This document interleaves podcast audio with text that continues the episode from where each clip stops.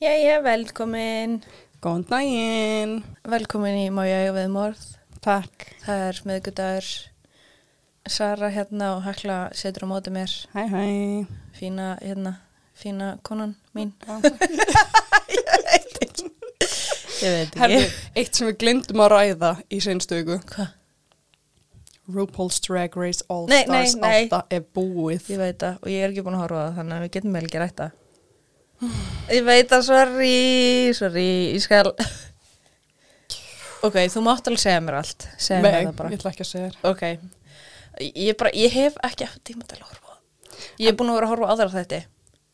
Barry, Barry. Barry. Hvað er það? Er þú ekki? Það var einhvern veginn á plexinu að horfa á það. Plexinu. Barry. Barry. Nei, ekki ég. Það er svona, það er svona, hérna, Breaking Bad vibes. Ah, Þetta er, hann er svona contract killer sem að byrjar bara eitthvað að fyrir leiklæsta tíma. Fíla það ekki að mikið. Ah, Já, nice. það var einhver að horfa, ég held að væri þú. Kannski er aðratna. Já, Patti Arna, ég spurði hann eitthvað, ert þú búin að vera að horfa Barry? Hún eitthvað, já, Daniela líka. Þú veist, þannig að ég er bara svona, ú, næs. Já, ég er ekki búin að horfa. Mæl með þeim. Ég er bara búin að horfa á RuPaul. En ertu búin að sjá næst síðasta þegar þau tóku hérna talentsjó allar gömlu fyrir Fame Game?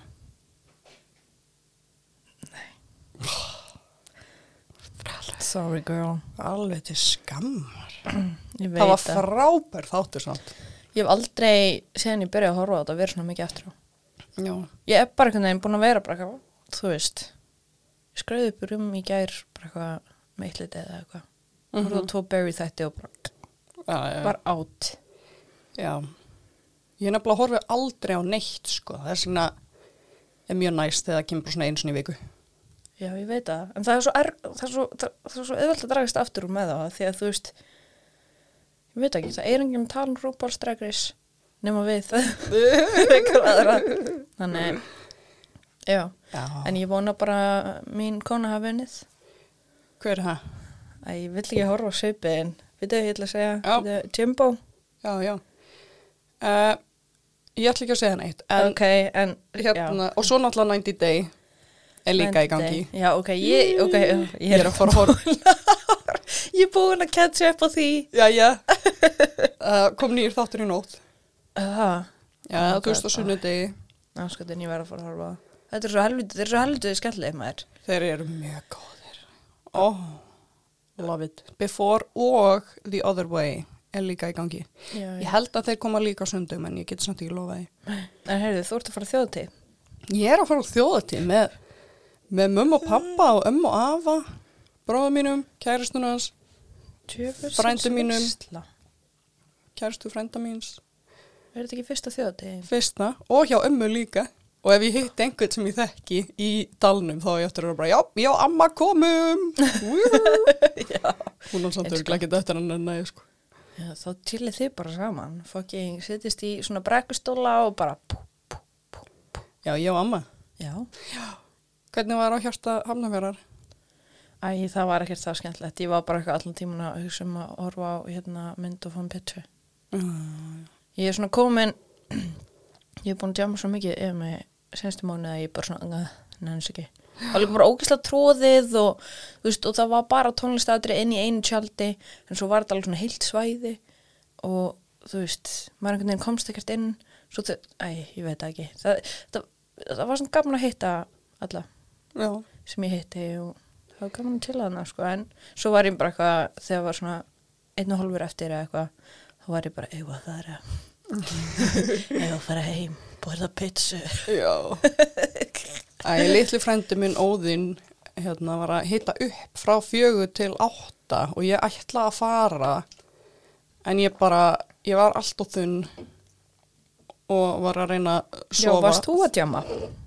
Ég var að djama föstu deginum Já, og var svo þunn en þá og var að fara nætuvaktan um nóttina og ég er svo sára ég fór ekki að Hjarta horfa á hann. já Nei, bara frændi minn. Já, var, hann- er, var hann einhver svona DJ eða eitthvað? Já, Já, ég held ég one night bang. Hæ? En hann segir alltaf, one night bang.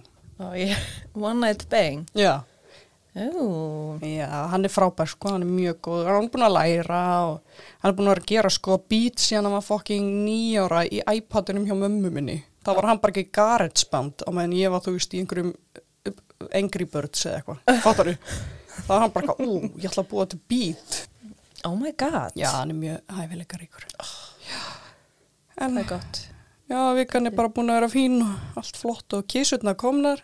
Já, Er þetta ekki fyrsta skipti sem við erum að spjalla síðan ég kom heim. Já. Nei. Ég spurði út í við, pítsu og pasta og... við, við heitum, just, eftir druslugönguna. Já, já, já. En við glundum að tala um kísunar. Hvernig eru Já, kísunar? babies eru bara orðin flott, sko. Þau eru farin að labba út um allt og svona. Og við fengum hérna fóstubann á heimilið. Nú? Misti mömmu sína. Vantaði spenna. Nei. Já, Ný. En hérna það er ekki að ganga. Það er rókslega leðilegt. Af því að hann er bara vikugamall. Og hinn er, er að detti færa vegna já og þeir hérna eru farin að þú veist lapp út um allt og eru orðin svona gett forvitnir og Kisa er farin að svona sinna þeim aðeins minna eða svona já. bara og fylgist með þeim skoða allt og, og meðan er bara litli grænjandi bara vanta bara að fá þú veist 24-7 kér eins og þeir þurftu þegar þeir voru bara vikna gamleir skilur Mhm. þú veist og en hún fattar það ekki hún horfið bara á hann bara svona afgræstu svona skrítin, bara farða að lappa út um allt þessu hinu, skilju þetta er sorglega, þannig ég þurfti að uh, hafa samband við eðandan og segja hana, hérna finna eða þú veist hann er alveg í góðu þú veist, hann liggur bara þarna, skilju en svo koma moment þar sem hann er að gráta að kalla á hann og hún kemur ekki og ég er bara eitthvað hann er alltaf að reyna að finna þar sem að þeir eru á sama þú veist, sama viku Billy og hann Já, já, já. og því að þetta er bara svo mikil veist. hann er bara Nei. hún er bara eitthvað what's your problem Elsku. en, Dugleg múta. og svo er þau alltaf að reyna að leika við hann og, og hann bara skilur ekkert hann er bara hvað er það að gera Þú veist, svo get ég ekkert gert þetta því ef ég tek hann upp og er eitthvað svona að reyna að róa hann skilur þú veist, setja hann inn í tepp og er eitthvað svona að þú veist, strjúkunum, þá bara greitur hann ennþá meira. Þannig ég get ekkert gert. Þú veist, ef ég íti kísun með eitthvað, farðu hérna gefa hann að drekka. Þú veist, þá er hún bara eitthvað nei. Oh, vonandi finnur hann einhverja, einhverja aðra fjölu. Já, ég, ég vona hún finni hérna kellingar sem eru á samaldri en þú veist, annars getur hún alveg verið. Ég bara held að hann sé bara ekkert jafn happy og hinnir þú veist, ég sé að þeir eru gett ánæðir ég eru bara ekki að live in life og svo er hann bara gett ósáttur af því að hann fær ekki þetta kúr og Já. sem að hann þarf bara. Já. en þú veist, þetta þetta gengur alveg og hann alltaf bara hann fær, þú veist, þeir geta ekkert lifað af án þess að vera með læðu. Mm sem að þú veist að því að hún hjálpar hann að gera þarfi sínar og gefur hann að borða og, gefur hann að heita og svona þannig að þetta er betra en ekkert Algjörlega. en já, Já, við bara crossum finger for little, baby. guy. já, little guy Nei. já, ég veit Já, já, ég var að fara í máldagsins. já, gerum það Það er Candice Newmaker. já, Ég er með hana. mhm sorglegt mál, Já, enda illa Já. Eða þú veist, Uh, já. já, ég veit ekki Náttúrulega öll málin okkar endi illa. Þetta er allt sorglegt og við bara svona þurfum að taka það fram með. Þetta er ekki bara núna svona, já, erum við búin að taka eitthvað mál sem endaði vel Já, nei. nei. jú, Bobbit Já, Bobbit, þau bara náttúrulega bæði á er- lífi. og- já, hún er bara rockin' life Mhm. en bara, heyrðu, jú, ég, oh my god, ég er, ég er alltaf búin að ætla að segja þetta. Já, bara því að þú veist, við erum búin að segja málið og svona. Um, endilega hérna follow okkur inn á hérna Instagram já. og Spotify og svo erum við líka komin Apple Podcast loksins. Já, þannig að ef þið follow okkur og þú veist kannski gefa okkur rating þá kannski, þú veist, sjá einhverjir aðri sem er ekki vinnur og fjölskylda þátti það væri gaman. já, það væri mjög gaman, þú veist ef þið skiljið eftir einhver svona komment Mér finnst ég vera að byggja svo mikið En það væri, við myndum nei, bara svo vel að meta. Það Já. var, hérna frendi minn skrifaði eitthvað fokking langt í reyting bara eitthvað algjör að steipi ég væri til ég að svona að það myndi ekki koma þegar fólk klikkar á það það er betur en það gert. Já, já, Mm, true, mm. true En já, Jæja, Sara, já, má ég eiga við þið morð? já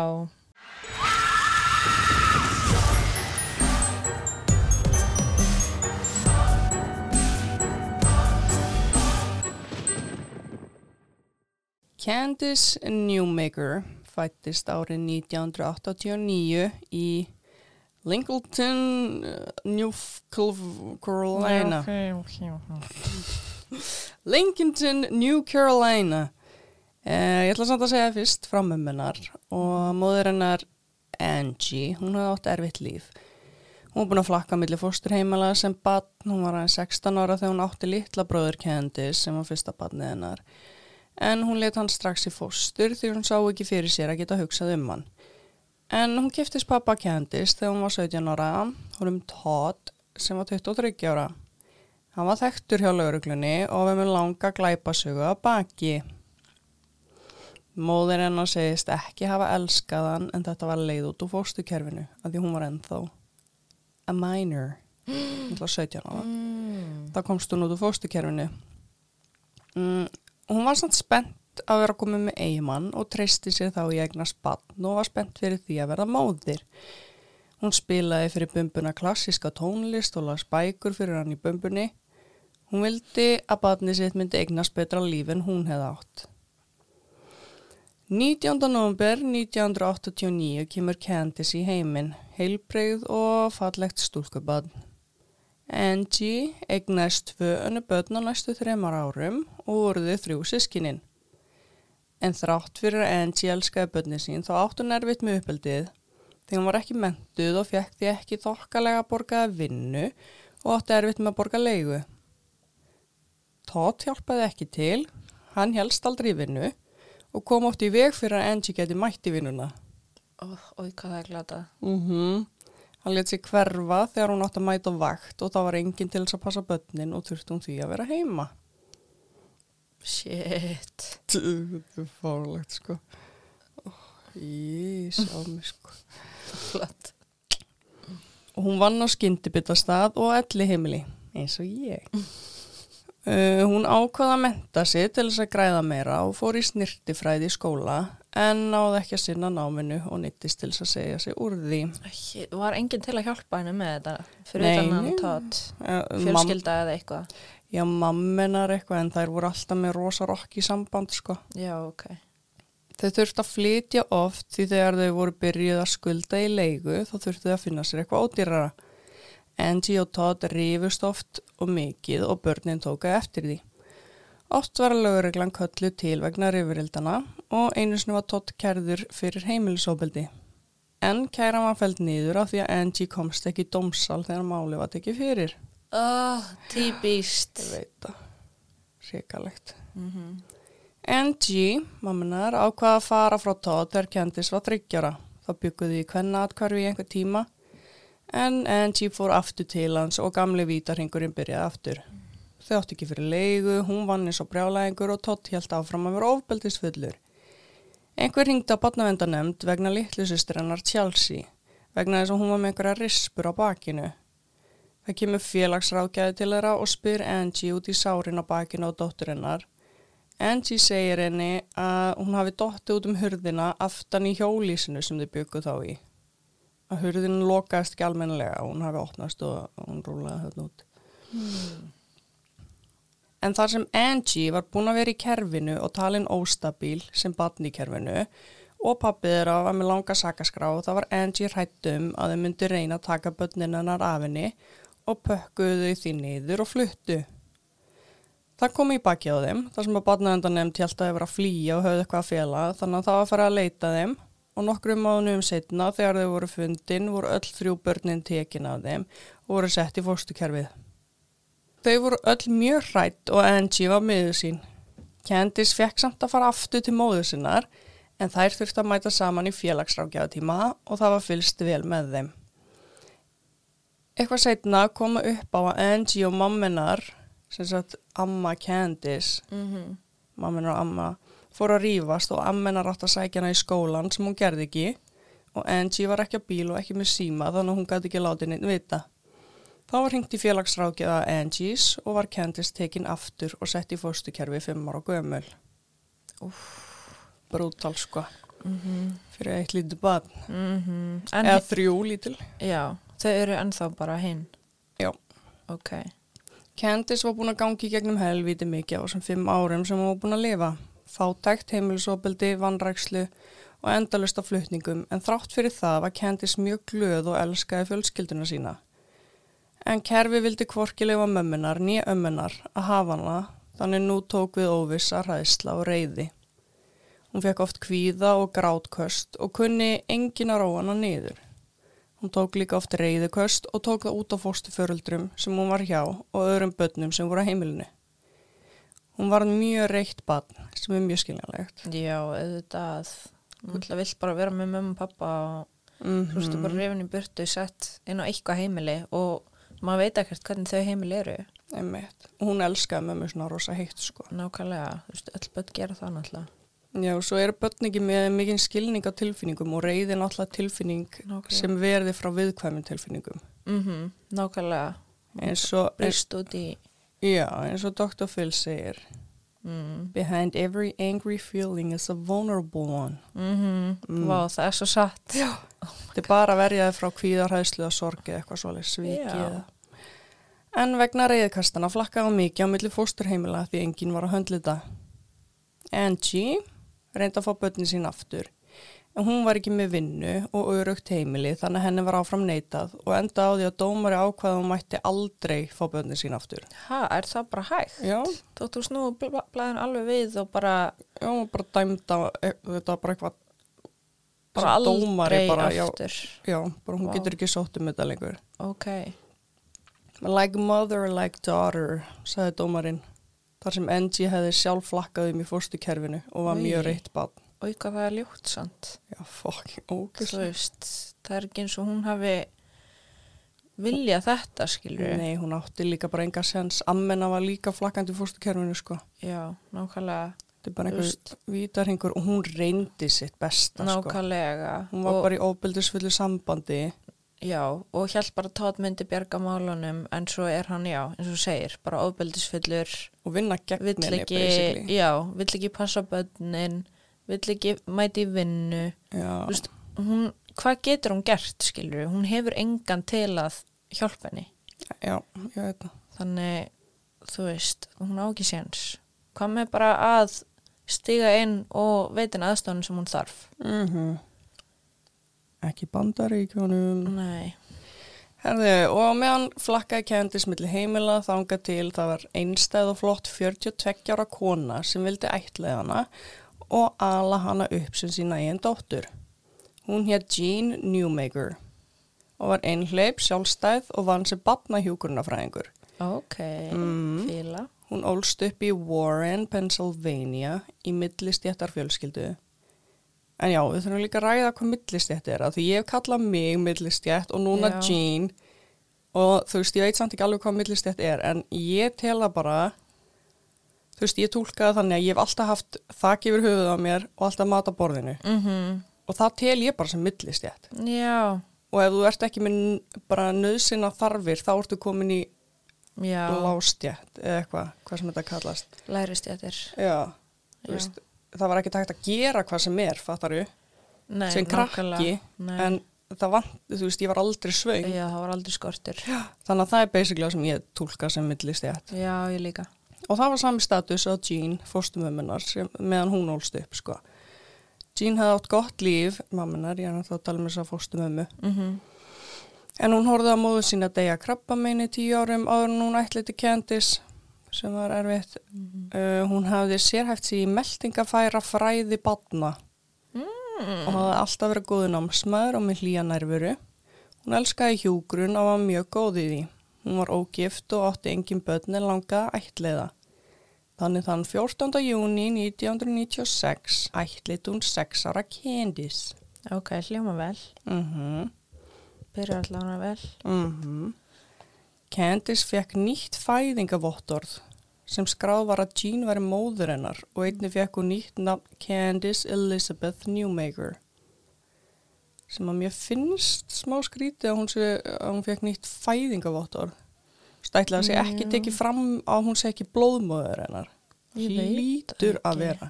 Þetta hlýtur greinlega bara að vera eitthvað svona þú einhver, einhverja, einhverja procedure sem það þarf að gera já já. Þú veist, ef það myndi ekki að koma upp á. Þú veist það er ekki hægt að skrá og hún fætt hana. Nei, hún fætt hann ekki. Nei. En ég veit það ekki. Já, ég, bara, þú veist, náttúrulega- nýjar upplýsingar, þú veist, fjölskylda, heimili, nánust aðstendendur, ég skil þetta þegar að fólk er þú veist með surrogate hvað heitir það á íslensku? Staðgangumæður. já, þú veist, en hún er sex ára. Já, það er svolítið skrítið að bara nýtt fæðingavottorð. já, líka bara því að veist, þetta er bara ákveðið fyrir hana fattar þau, hún er ekkert að segja eitthvað. Ó, viltu búa til nýtt fæðingavottor fyrir mig? Nei, Nýja kannski er þetta svo, nei, ég veit það ekki. Náttúrulega hún getur alveg, mamman myndi alveg vilja heyri henni kannski þegar hún verður orðin aðjónara. Jean tók sér frí í tvo mánuði eftir hún ættleiti Candice til þess að eyða tíma með henni og kynnast henni og hennar þörfum. Vá, hvað Já. það er bara fallegt. Mjög fallegt. Þær voru óaðskiljanlegar. Jean fylgdi henni í skólan á hverjum degi og sótt hana og mætti alla viðburði í skólanum hennar. Æ, ertu að fara að brjóta hjarta mitt eða? Ég veit, já, ef þú veist. Þær sáust valla án hvor annarar og þegar það var frí skólanum ferðust þær upp í fjöll. Þær fóru til Flórida til að synda með höfrungum, þær hjóluðu um og fóru á hessbakk. Margi lítu upp til Jean, hvað hún syndi batninu sinni vel og hafði mikinn tíma og þólimaði fyrir henni. Nágranna þeir sögðu að það væri ekkert sem þessi stelpa ætti ekki eða hafði ekki gert. Hausti kom og Candice byrjaði fyrsta bekk. Hún var mjög kvíðin fyrir skólanum. Þegar hún sá að var strákur í bekknum neita hún að fara í tíman þar sem henni líka ekki við stráka. Hmm, það er skrítið. Já, Eða þú veist, já kannski er leilegt en gæti verið eitthvað. Ég veit ekki hvað þetta er. Mm En Jean sagði henni að þetta væri kennarinn hennar Ray. Hann var greinlega engi strákur í bekknum, kannski verið einhver all girl school í fann ekki út úr í. Fullar maður sem Já. er eitthvað. Og Ray kom og kynnti sig og laði sig fram í að kynnast henni og þörfum hennar. Og hann var mjög fljótt vinur hennar og hann hafði aldrei neitt út á hana eða hegðun hennar að setja. Hún hagaði sér vel og var kurtis og góð í tíma hjá honum. Candice var svo góð og hjálpsum. Hún passaði ekstra vel upp alla í sérkennslu og kerði einni hérna stelpunu út um allt í skólanum sem var í hjólastól. Æ, Ég veit það. Einni elskaði hún dýr og sérstaklega hesta þannig að Jean skráði hana í reyðunámskeið og legði fyrir hana hest þegar hún var í öðrum bekk. Ok, váka, þetta er krútli stemming eitthvað. Ég er bara, ég er bara svona að býða eftir að mér mun líða illa. Já. Og Candice eitti mestum tíma sínum í hlöðunni að hugsa um hestin sinn og læra heima og skrifa. Candice var komin í vinahóp með nokkrum stelpum og heldu þær oft gistipartí og fóru á hjólaskauta. Þetta hljómar alltaf rosalega vel en á bakvið lokar dyr voru ennþá vandamál. Já, auðvitað. Já. Candice var ekki ennþá byrjuð að treysta Jean alveg og var ennþá köldgakvart henni þrátt fyrir að hafa búið hjá henni núna í meiri nár. Hún Er vildi, það samt ekki eðlilegt. eða? jú, Það sem að litla barnið er búið að gangi í gegnum, hún getur ekki treyst neinum. Já, þetta er svo venjulegt, sko. Já. Þú veist, þetta er bara venjulegt með venjuleg stjúptengsl. Það tekur langa tíma Nákvæmlega. að mýkjast upp að nýju stjúpfóreldra en þannig er hún líka bara án.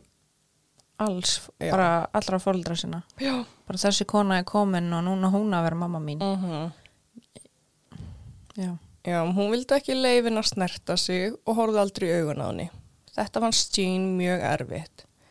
Candice var líka svona við bekkjafélaga sína í byrjun en var búin að komast yfir það með þeim en ekki með Jean. Jean sagði að Candice geti verið vond við sig og óbyldisfull. Hún rústaði hlutum heima og hafi kveikt elda inn í húsinu þeirra. Engin annar sá þessa hegðun, hún var svo góð og kurtis í skólanum og góð vinkuna vinkuna sinna. Jean fór með hana til ráðgjafa lækna og sálfræðinga næstu árin til þess að fá hjálp. Hún var sett á liv eins og Dexerín fyrir ADHD og Risperdal fyrir þunglindinu sínu. Og þegar ég googlaði hérna Risperdal, þá var þetta eitthvað liv sem á jafn út serotonín og dopamin í höfðuna Mhm. er. Mm -hmm. En þetta er mest notað á sjúkdóma, sjúkdóma eins og geðklófa og bipolar. Þetta er alveg brútal ok. stert liv, sko. Ok. Og hún Hmm. er sex ára. Eða þú veist, kannski Já. var hún orðin eitthvað 7-8 og þetta var náttúrulega nokkur ár liðin hann. Samt fullt mikið. Já, rosa fyrir lítið stykja barni. Já, líka bara af hverju ætli hún hafi fengið þessi lif. Það er mjög skritið. Ég veit ekki.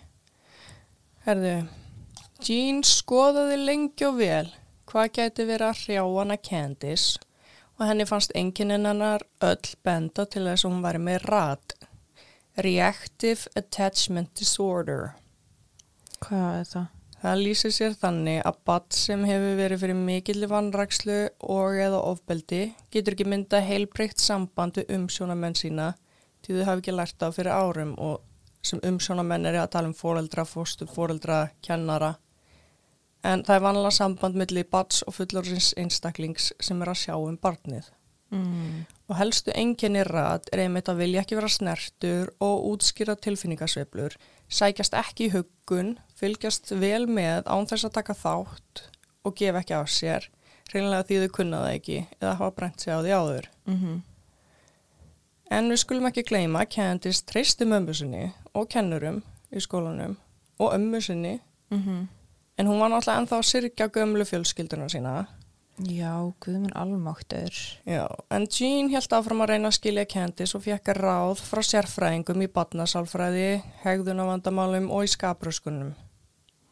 Í oktober 1999 fór Jean á ráðstefnu sem haldin var af félagi sem sérhæfði sig í meðferð og þjálfun í tengslamyndum með börnum.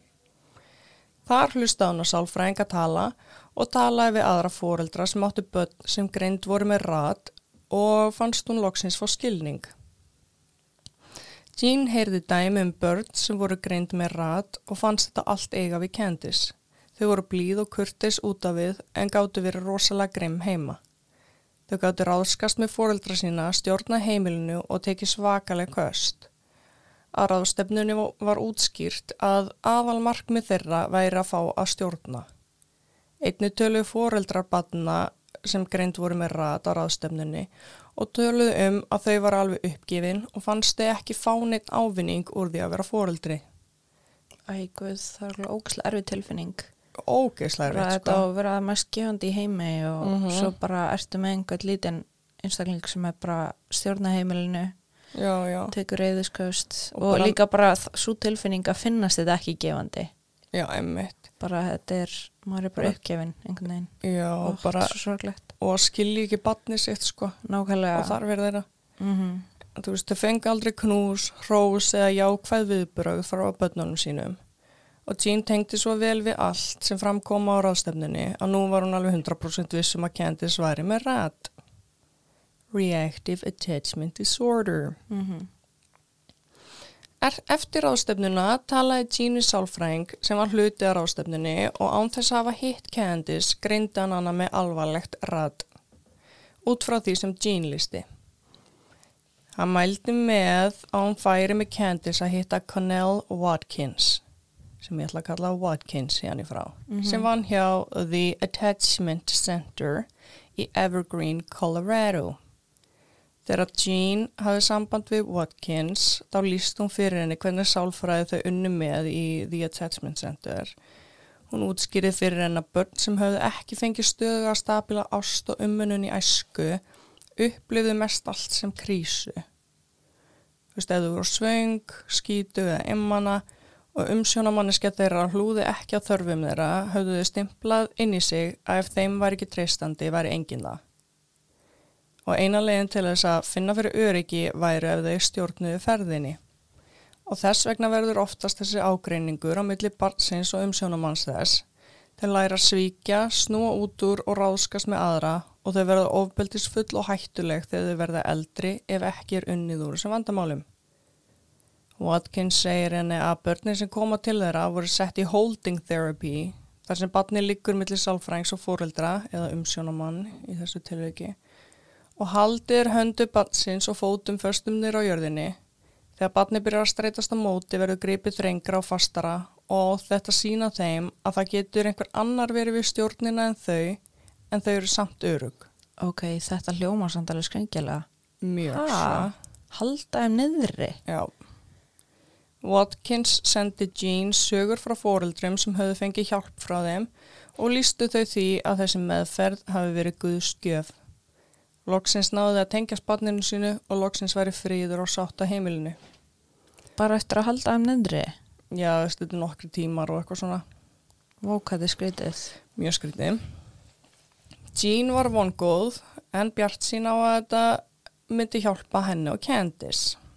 Hún skrifaði undir pappira og skráði Candice á tveggja vikna intensive sálfræðiprógram í The Attachment Center sem kostaði um 700.000 krónur og þetta var árið 2000. Vá, það er slatti peningur.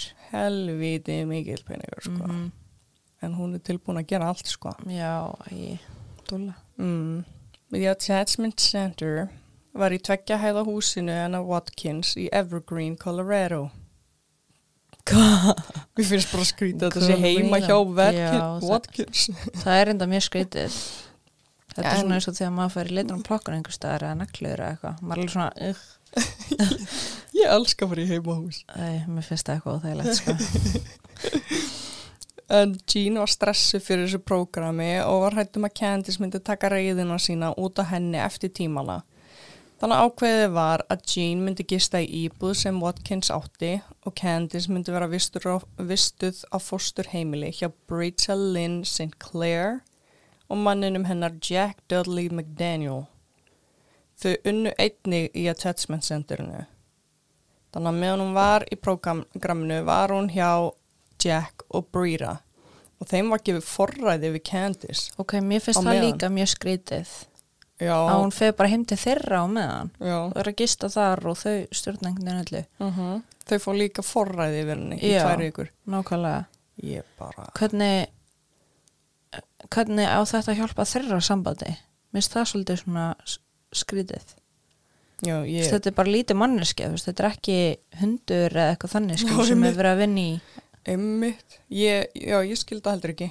En hún átti endilega að kalla Jack Papa Jack. Nei, hættu nú. ok, hættu. Þau átti einnig að skrifa skýslur hvernig hún hagaði sér hjá þeim á milli sálfræðitíma.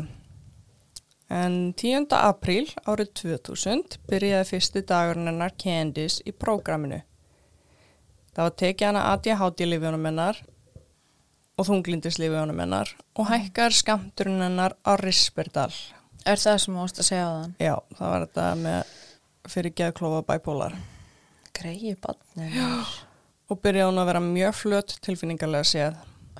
Hún var ekkert lík sjálfur í sér. Líka bara, þú veist, að taka hann allt í einu af, þú veist, ADHD og þunglindslifjum. Þetta er auðvitað svaka svona, og hækka þetta. nákvæmlega, þú veist, þetta er auðvitað svaka breytingar bara Já, bara erfitt fyrir heilan. Já, ég er að segja það. Mm Á þessum tveimur vikum átt hann að mæti í sálfræðitíma í 30 klukkustundir samanlagt sem er meir en tvei tímar á dag eða er skipt niður á alla daga vikunar. Og svo veit ég ekki hvort það var eitthvað frí eða dagsönda eða eitthvað. Mm Watkins vann með þeim hjónum, Jack og Brita, sem hún bjó hjá. Watkins var þessi sem að fekk þau í prógrami. Já, ég veit. Mm hún- Ef mér finnst skrítið að hún sé að vinna með þeim. Já, þau vinna í The Attachment Center. Já, ég veit en mér finnst, æ, ég veit ekki, mér finnst það bara eitthvað skrítið. Já, þau voru, bara, er- þau voru bara öll inn í teiminu Já. og einni var Julie Lynn Ponder, sálfræðingur. Mm Og ég ætla að kalla hana Ponder. Fyrstu holding therapy tímarnir voru fram, framkvæmdir að Watkins og Julie Ponder. Candice var látin liggja bakið með höfuðið í fanginu á Watkins sem var að sjá um tíman. Þá heldur Watkins undir hökun á Candice og þannig þvingar hana í að halda auksambandi. Næsta skref var að augra badninu og láta það vita hver ræður á meðan því var haldið niðri. Fokk, þetta, ég bara, ég er fara- Flabbergast. Já, án greins. Þetta er svo skrítið. Hvað ári er þetta aftur? 2000. Vá, maður, ég, Mhm. úf, sko, Þetta er nefnilega ekki langt síðan, sko. nei. Börn vanalega byrjuði að streytast á móti en Þá var bara haldið einn fasta niðri og loka skrifið var að býða þanga til að badni gafst upp, leifa reyðinni að fara og verða róleg. Þá voru þau búin að kenna börnunum að gefa frá sér stjórninni en að þau var ennþá örug. Mér finnst það samt bara svona að minna á okkur óbeldis eitthvað svona. Já, þú ert ekki að kenna börnum að þessu örug, þú ert bara að kenna þeim að þessu vanmáttug. Nákvæmlega, að halda þeim niðri og fá þau til að, Þetta er bara að fara að búa til meira tráma setna með, sko. já, það ekki. Ég skil ekki hvernig fólk einhvern veginn fekk jákvæða reynslu út úr þessu. Bara að það hafi verið, finnst mér mjög skrítið. var bara rosa margir sáttum en það. En eftir viku af holding therapy var þetta ekki að virka. Watkins fekk ekki Candice til þess að bregðast við. Hún fór aldrei að berjast á móti, Ha? eins og flest börn gerði. Já, út af livjunum, oh my god. Já, hún var ekki einu svona reið, uh, ekki einu svona þegar þau sögðu að Angie mamminar hafi yfirgefið hann og að elskaði hann ekki. Ha? Það var bara gert allt til þess að reyna að fá reiðin út, sko. Ói, barasta. Mm Mhm. Ói, hvað þetta er ógislegt. Mm Fokk. 17. apríl, það er eh, eftir viku í prógraminu, það er hálnað. Það var Candice aftur sett á FX-SOR, sem eru þunglindislif sem hún var á, sem by the way eru fyrir Major Depression. Mm, shit, sko. Þetta átt að hjálpa henni með að tengjast tilfinningunni sínum betur, því hún var ein, einlega bara orðin af vofu af hinum livjónum og örgulega líka frákvörfum frá hinum livjónum sem hún var á. Greiði bann. Ég veit það Jésús Kristur. Ég get ekki. Nei. Þau ákveða að prófa aðra aðferð á hana sem kallaðist þjöppuna meðferð. Compression therapy. Ói, það hljómar ekki vel. Nei, Candice var látin liggja á dínu og var vafin inn í þund efni eins og lag eða svo leiðis og allt var vafi fast nema höfuði sem stóð út. Svo voru setta stórar pullur ofan á hana og Jean fóstumamminar átti svo að leggja stofan á Candice og dreifa þyngd sinni yfir hann alla. Hún átti svo að horfa í augun á Candice að meðan hún síndi henni að hún stjórnaði. Hún var með í þessu. Ói, bara. Eftir meira en klukkutíma var Candice list úr lakinu og sagt henni að fara til Jean og sitja í fangin á henni. Jean fekk þá disk með mat og átti hún að mata Candice. Og Candice gengdi og Jean var yfir sig glöð. Þetta var í fyrsta skipti sem að Candice leiði henni að halda á sér og horfði í augun á henni. Shit, hún er örugglega bara degjur hræðslu banni. Mm -hmm. En samt berst hún aldrei á móti, það er alveg magnað sko. Mm En það er náttúrulega getur verið bara, hún bara frosnar og bara, algjörlega. hvað heitir þetta, fer úr líka, eða disassociatar. Já, já. En Það er bara því að þetta var svo langu tími, þú veist, vanlega, þú veist, kikkar þetta inn, sko. Þú veist, þá ferða að reyna að berjast. Mm En hún var ekki búin að gera það. Alltaf bara á svakalegum lefjum og tekið af öðrum og þú veist, það er Mhm. ekkert að gera þetta svona. Næsta dag ákvað Watkins að taka næsta skref í þjöppuna meðferðinni og var það kallið The Rebirthing Session eða endurfæðing. Eh, Þetta átti að hjálpa börnum sem hefðu orði fyrir trauma í æsku að fá að fæðast aftur og fá nýja byrjun á lífinu. hættu, Já, já. Þrýstingur átti að vera veittur með pullum og takna samdrætti í endurfæðingunni að meðan þau voru vö- vafin inn í lag. hættu, oh my god, hæ? Upptöku vél var á þrýfæti meðan endurfæðingin átti sér stað og Julie Ponder útskýrði endurfæðingarna fyrir Candice og spyr hvort hún vilja endurfæðast til nýju móðu sinnar og hún segir já. Julie útskýri fyrir henni að fæðast er erfitt og hún þurfa að sprikla, öskra og berjast fyrir því að komast í heiminn. Svo verður þetta allt betra þegar hún er búin að fæðast. Svo að Candice látin liggja á gólfinu í fórstustellingu og öll vafin inn í blátt lag frá toppi til táar. Hæ? Já, Líka hausinn? já, bara allt. Núna er hún bara komin inn í the womb. Hvernig er hún að anda? Já, hann er bara... Og búið að gera þetta eitthvað áður með einhverju öðru banni eða? Já, já, já, það var búið að gera ekki samt, sko Watkins, vanlega var ekki sett höfuð með, en Watkins var í the extreme á þessu compression therapy og holding therapy og hún, þú veist, hún vildi gera þetta svona, sko. Shit. Svo kemur Watkins inn og leggur fjóra pullur á hana. Jean og Jack koma einn inn í herbyggið og Brita kemur aðeins setna og kemur fórstu dóttur sína Tammy sem er með henni og er í hjólastól. Rúlar henni þann inn.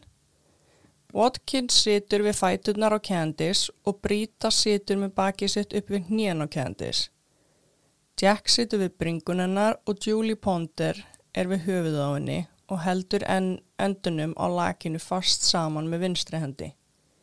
Og hún bara snýri og, og svo bara var haldið svo púpu sko. Oh my god. Jean átt að vera nálagt höfðun hennar og vera tilbúin að taka móldinni, mm -hmm. fóstumamman, Mm -hmm.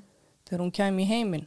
Mm Nú eru fjóra fullotna manneskur sem eru samanlagt 295 kíló og 330 kíló á stelpuna sem var vafin í lakinu. Eftir nokkra mínútur var Candice byrjað að vera pyrruð og óþólumóð. Þú ert að íta á höfuð á mér, þú ert ekki að hjálpa til, segir hún og ég ætla bara að lesa fyrir því það sem var sagt. Þetta er ekki allt sem var sagt en þetta eru literal quotes. Ok. Og eftir tíu mínútur segir Candice, I can't do it, I'm gonna die. Julie Ponder segir, do you want to be reborn or do you want to stay in there and die? Hún segir, quit pushing on me, please. Quit squishing my legs, I'm gonna die now. Ponder segir, do you want to die? No, but I'm about to. Please, please, I can't breathe. I can't do it anymore. Please quit pushing on me. I need some help. Help. Help me. Watkins segir, Are you feeling the contraction, mom? Mamman segir, I am. Og Candice segir, Where am I to go? Right here? Right here? I'm supposed to go right here? Please, please. Okay, I'm dying. Okay, I'm dying. I'm sorry. Okay, I'm dying. I'm going to die. I want to die. Can you let me have some oxygen? You mean like you want me to die for real? Og Ponder segir, uh-huh. Die right now and go to heaven? Ponder segir, go ahead and die right now, for real, for real. Hún segir, okay, I'm dead. Og þá segir Watkins, it's not always easy to live. You have to be really strong to live a life, a human life. Hún segir, get off, I'm sick, get off. Where am I supposed to come out? Where? But how can I get there? Watkins said, just go ahead and die. It's easier. It takes a lot of courage to be born. Og hérna eru komna sko 80 myndur og 26 sekundur á kamerunni. Fuck, ég er í sjokki, sko. Mm -hmm. You said you would give me oxygen. Og Watkins said, you gotta fight for it. Og þá ælir Candice. Okay, I'm throwing up. I just threw up. I gotta poop. I gotta poop. Uh, I'm going in my pants. Og Ponter segir, go ahead. Watkins segir, stay in there with the poop and vomit. En eru 23 myndur. Help, I can't breathe, I can't breathe. It's hot, I can't breathe. Og þá segir mamma hennar, I'm so excited to have this baby. I'm waiting for you, to love you and hold you. Og Ponder segir, scream Candice. Og hún segir, no. Og mamma hennar segir, baby, I love you already. I'll hold you and love you and keep you safe forever. Don't give up on your life before you have it. Og svo er komin hóltími hérna. Og Jack McDaniel lagar sig og setur hérna púða á höfuðið á Candice. Ha, sittur hann púða á höfuð hennar? Já, Hún er að kapna og, og sest hún á. sest hann ofan á púðan Mm -hmm. og í barasta. Candice, segir Ponder og tekur kotta frá Jean og færa hann eitthvað she needs more pressure over here so, so she can't so she really needs to fight og þarna eru sko allir fjórir fullóðnir að spytna sér á móti vegginum Nei. sikkurum inn í herbygginu til þess að setja meiri þingsli á hana. Watkins segir, getting pretty tight in there. Og Ponder segir, yep, less and less air all the time. Og Ponder segir, she gets to be stuck in her own puke and poop. Og í barasta, Og þetta er what- svo mikil ílska. Og Watkins segir, aha, It's her own life, quitter. og ég bara Og 40 mínútur og 1 sekunda segir Candice no. Og það voru síðust orðin hennar. Jack segir Mama got you this far, now it's up to you.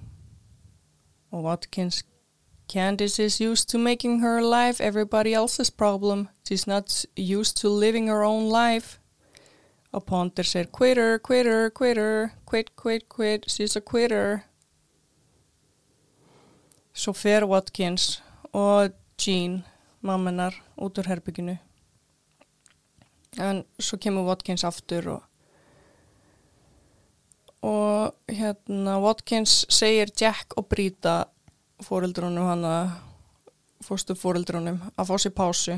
Þannig að það er bara Watkins og Ponder núna inn í herbygginu og það er byrjað að spjalla um draumahúsin sín og tala um rándýrahúsi í nágrenninu sem er verið að laga. Og svo segir Watkins let's talk to the twerp. Ói, mm og það er taka lagið af Candice það er komin klukkutími 9 mínútur og 53 sekundur og þá segir Watkins oh there she is sleeping in her vomit. Watkins kallar á hana tvisvar og Candice svarar ekki. Jean kemur hlaupandi inn og ser Candice liggja þar bláa í framann og líflausa. Hún byrjar að reyna endurlífgun með hjálp Ponder. Watkins ringir í sjúkrabíl og sjúkraflutningamönninir eru mættir eftir tíu mínútur og Jack tekur á mótið þeim og sagði þeim frá endurfæðingunni en að þau hafi farið út úr herbygginu í fimm mínútur og þegar þau koma aftur var hún hægt að anda. Þeir finna Candice bláa og líflösa. Hún var ekki með púls, hún var orðin köld og var með rauða blett í augunum. Hún var búin að vera dáin í meirinn tíu mínútur. Þau sáu það strax.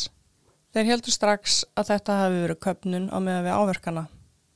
Þeir tóku við að Jean og held áfram að reyna endurlíkana.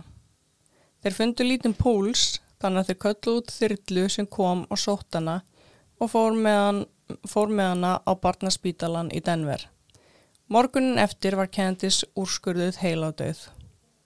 Hún hafði hlotið alvarlegan heilaskaða út frá því að vera haldið niður á þrýsta hana þar til hún kapnaði. Ponder var fljóta að segja að þetta hafi nú verið hræðilegt og sorglegt slis en sem betur fyrr höfðu þau tekið tíman upp á myndavél sem sagði allt að vera sögu. Watkins og Ponder voru handteknar mánuði setna. Dæin eftir voru Jack og Brita handtekinn. Brita og Jack voru dæmdið í tíu ára skilóriðspundi fangelsi og þúsund klukkutíma í samfélagsstjónustu. Watkins og Julie Ponder voru báðar dæmdar í 16 ár fyrir kærilösa badnanýð. Watkins satt inn í 7 ár og var látin laus árið 2008. Hún getur ekki við unni við neina sálfræðir áðgjöf og það eru líka takmarkanir á því hvers konar samskipti hún getur átt við ólögráð á börn. Eh, ég fann ekkert um Ponder og hún á að vera komin út og fangelsi á þessum tímapunkti. En Jean Elizabeth Newmaker, fóstumóðurinn, barna hjúgrunafræðingurinn, játaði sekt um vannrækslu og misnótkun og fekk fjögra ára skilórspundin dóm. Eftir það voru ákernar feldar úr skráminar, þannig að það ertur ekki að vera eilifu. Candice Law voru lög um aukna refsingu fyrir heimilsopildi og voru sett árið 2014. Þau beina til ríkis að kveða um aukna refsingakröfur með lögum fyrir einstaklinga sem dæmdir eru fyrir að fremja eða reyna að fremja heimilsopildi í viðurvist ólögráða badna. Já, Vá, ég bara, ég er orðlaus. já, þetta er ógeðslegt. Ég veit ekki, þú veist, ég bara, þú veist, já, ég bara trú ekki,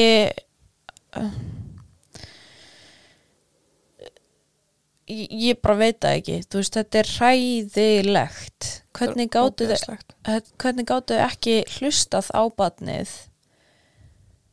átta sig á því að þetta væri bara að gera miklu verð heldur en gott og bara hvernig þau töluðu við hana Já. þau leiðu henni bara að æla og kúka og þú veist, sitja þarna í þessu og ég, bara, þú veist Og Julie Ponder, hún var eina sem að var með löggilt sálfræðiskirtinni. í alvörunni? Guð minn Þannig að hún almáttur stjórnaði þessu rosa mikið. Séturinn, En líka Jean, hún stoppaði náttúrulega ekki meðferðina, mamminar. ég veit að en hún kannski bara, þú veist, situr allt sitt tröst á þau, þú veist, þau vita hvað þau eru að gera Algjörlega. og hún bara hefur heyrt að þú veist, annað fólk hefur farið gegnum þetta ferli og þú veist, að mér finnst mér finnst þetta ekki vera hennar þú veist, þetta er mér finnst þetta vera miklu freka fólkið sem Já, er að já. framkama meðferna þú veist, auðvitað er skrítið að þegar krakkin er þarna að bara ég er fara að deyja þú veist, ég er að kúki buksunar hún ælir, veist, mér finnst alveg skrítið að hún hafi ekki stoppað þetta en það gæti alveg verið að hún hafi lægt þessa pressa á hana bara hvað sem gerist ekki stoppa Já, já, það að var gert það, sko. já. þannig að hún kannski er þarna bara eitthvað inn í sér að fríka út en reyna að halda rósinni og bara svo þetta klárist og þær geti átt þetta lífsitt saman Já, það er líka bara því hún er barnahjúgrunafræðingur. já, Þú veist, hún ætti nú samt að vita að þetta verið að fara að enda eitla, sko. já, hún myndi bara kapna hvernig var þetta fólk ekki að fatta það samt að hún myndi bara þau eru að setja allan sinn þunga á hana, hún er vöfðinningu lög Mm hvernig fattaði ekki bara að litla barnið bara hættir að anda Mhm. á lö- lögum Og svo, þú veist, eru það alltaf að segja að berjast og berjast, þú veist, þau eru nánast 300 kíló, mátu 30 kíló á stelpu sem nákvæmlega liggur í fórstustellingu. ángrín svo bara ekki með komið neina vöðva þú veist, hún getur ekkert gert. En ég veit ekki hvað Tammy í hjólastólunum var lengi að inni. Og það veit enginn af hverju hún var að inni. Manst ekki, ég sagði þér að hún rúlaði henni að já, veit bara, enginn af hverju hún var að hana. já, að því að þetta er alveg svona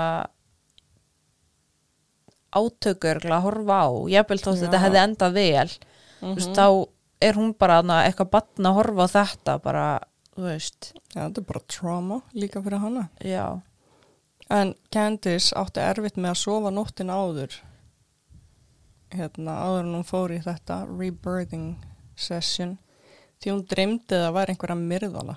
í alvörunni Hún sagði frá því áður en að tíminn byrjaði. shit Mm og svo farið þau og að fara að leggjast á hana og, eitthvað, og Mhm. guð minn almáttur Rosalega sorglegt sko. já, ég bara, ég fæ illt í hjartað sko Og Angie mammin er fucking snar sko. Brjálu. myndi verða það líka hún alltaf ekkert vond mamma bara fekk enga hjálp Já. Já, þetta er rosa sorglegt mál sko. En þetta er líka bara svo merkilegt að þetta gerist bara á sálfræðistofu með fjórum fullónum. mm ekki fyrir það lengu þú veist, kannski ef þetta hefði verið 1920 ok. En þetta er 2000 þú veist, Já, og líka þú veist, þetta var samt á þessum árum, þá var þetta samt, þú veist, umtalað, þú veist, það voru alls ekki allir sálfræðingar sem að vildu nota þetta og meiri hlutin sem að vildi ekki nota sem fannst þetta ekki rétt. nei En svo voru bara einhver, einhver lítil prósenta af sálfræðingum sem voru að nýta þetta. fokka það er skrita að það hafi ekki verið stoppað þetta Já, eða þú veist, bara þessa aðferð að hún Mhm. hafi ekki verið bara bönnuð já, rosalega skrítið, sko. ef að það var fólk sem að fannst þetta vera skadalegt hvað það gera? Ég er að googla hvort þetta sé enda í gangi. þetta hlýtur að hafa veist, það vil enginn vera að vinna eða þú veist, nota þetta eftir að bara deyr í þessu Nei, þetta á að vera algjört safe space þú veist, þegar þú ferð í meðferð Já, líka þú veist í dag er þetta náttúrulega eftir að hún dó, þá er þetta náttúrulega hrikalegt, fattar ég. mm En þú veist, fólk átti samt alveg að fatta á áður en hún dó. Já, ég auðvitað, væntalega, ég er að segja, þú veist, af hverju var þetta, ég bara stoppaði um Mhm. leið og fólk fóra, þú veist, setja spurningumarki við þetta, bara, ok, þetta er ekki rétt, Mhm. eins og varst að segja, hverju er þá ekki bara strax bara kliftið út bara tekið í burtu ég veit það ekki af því að þetta hljóma rosalega skringilega sko Mhm. bara þú veist og ég er ekki einu sinni sálfræðingur Mhm. fattarðu? þetta er bara svona smá common sense já, en það er ekki víst ekkert kremja lítil börn og þú veist, setja allan þungan og inn í einhverjum lögum og já, bara veist og, bara, og líka börnin sem að að ég veit það ekki, þú veist, sem að eru búin að fara gegnum þetta, þú veist þrátt fyrir að þau hætta að vera eitthvað hérna ábeldisfull og eitthvað svoleiðis, Mhm. þú veist, þetta, er, þetta situr samt örgulega bara í þeim veist, þetta er örgulega ekki jákvæð reynsla, þú veist, maður á alltaf að finna að þetta sé jákvæð, skilu, þegar maður fer í therapy Mhm. Þú veist, þetta hafi góð áhrif á mann ég held að það sé ekki upplifunin og svo kannski þurfa að hjálpa setna meir og vilja ekki leita sér hjálp bara því að þetta er bara það sem þau munna Mhm. ógíslegt sko líka pælt í því að einhver myndi bara grípa í þau núna fattar ég, það getur mjög vel verið að þau bara tryggjarast sko. nákvæmlega, og bara trompist einhver allar að halda þeim sko. nákvæmlega þú veist í svona ástasambundum og okkar það er örgulega rosa Mhm. Erum- já, þetta er rosalega sorglegt mál sko. ég er bara ekkert smá sko, ég er bara, mér líður illa eftir þetta. Já. Líka því þetta var ekki, þú veist gert á neitt brútal stungin Nei. þú veist, eitthvað eitthvað viðbjóður fattar ég? Nei. það var bara í sálfræði tíma með fjórum fullónum mhm. sem að drápu bann mhm. Og Eða mamma er fimm, sem ætla að halda henni vera með hann að örga Já. shit sko. Já, já, en þetta var þetta var glada já. Ég takk held að- fyrir, Djók. takk fyrir í dag. Takk í dag. Bye, bye